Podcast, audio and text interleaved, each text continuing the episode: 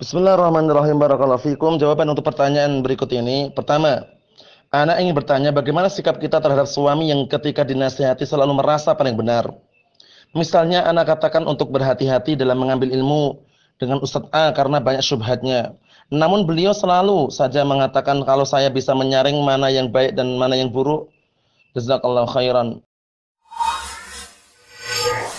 Wa antum juzitum khaira barakallahu fikum ini adalah suami yang tidak benar kalau seandainya merasa dirinya paling benar terus. Nah, padahal nasihat istri juga benar.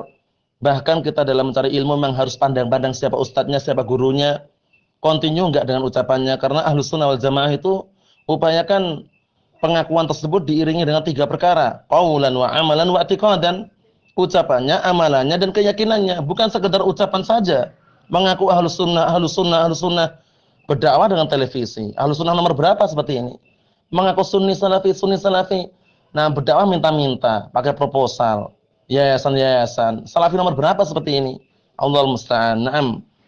Berkata Imam Muhammad bin Sirin rahmatullah alaih sebagaimana yang diriwayatkan oleh Imam Muslim dalam mukadimahnya, "Inna hadzal ilma dinun fangdhuru amman ta'khuduna dinakum." Sesungguhnya ilmu ini adalah agama. Maka lihatlah oleh kalian dari mana kalian mengambil agama kalian. Jangan sembarangan. Kalau nasihat istri itu baik, bagus, maka hendaknya suami pun tunduk dan menerimanya.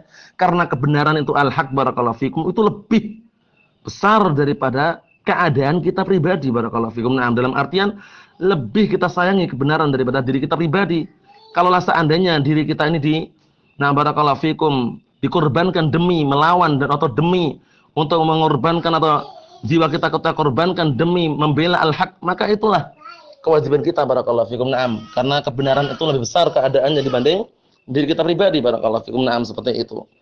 Jadi jangan sampai seorang suami menolak nasihat istri manakala nasihat itu benar. Na'am dan hendaknya saling pengertian dan juga nasihat disampaikan dengan cara yang baik dan lemah lembut barakallahu fikum. Na'am seperti itu.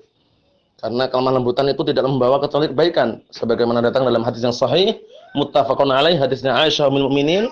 Rasulullah mengatakan inna rifqa la yakunu fi illa zanah wala yunza'u min syai'in ila syanah.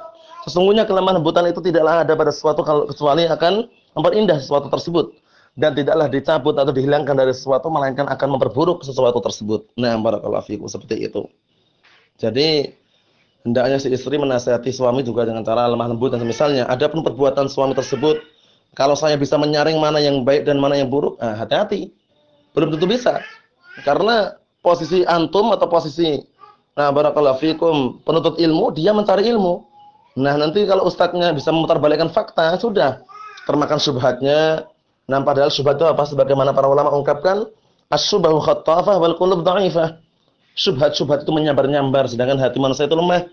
Oleh karena itu jangan merasa aman dari fitnah. Afa aminu makrallah fala ya'man makrallah illal qaumul khasirun. Apakah mereka merasa aman dari tipu daya Allah Subhanahu wa taala?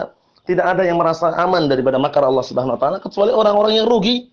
Nah, barakallahu fikum seperti itu. Jadi tidak layak kalau suami nah menolak nasihat istri padahal nasihat tersebut adalah benar. Kebenaran itu harus kita pegang al-haqqu ahqqu minar rijal. Al-haqqu aqwa minar rijal. Kebenaran itu lebih kuat.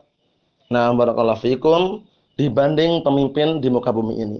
Kemudian juga Nah, barakallahu fikum al-haqqu ahaqqu an yuttaba. Kebenaran itu lebih berhak untuk diikuti. Nah, daripada sekedar hawa nafsu kita. Allahul musta'an.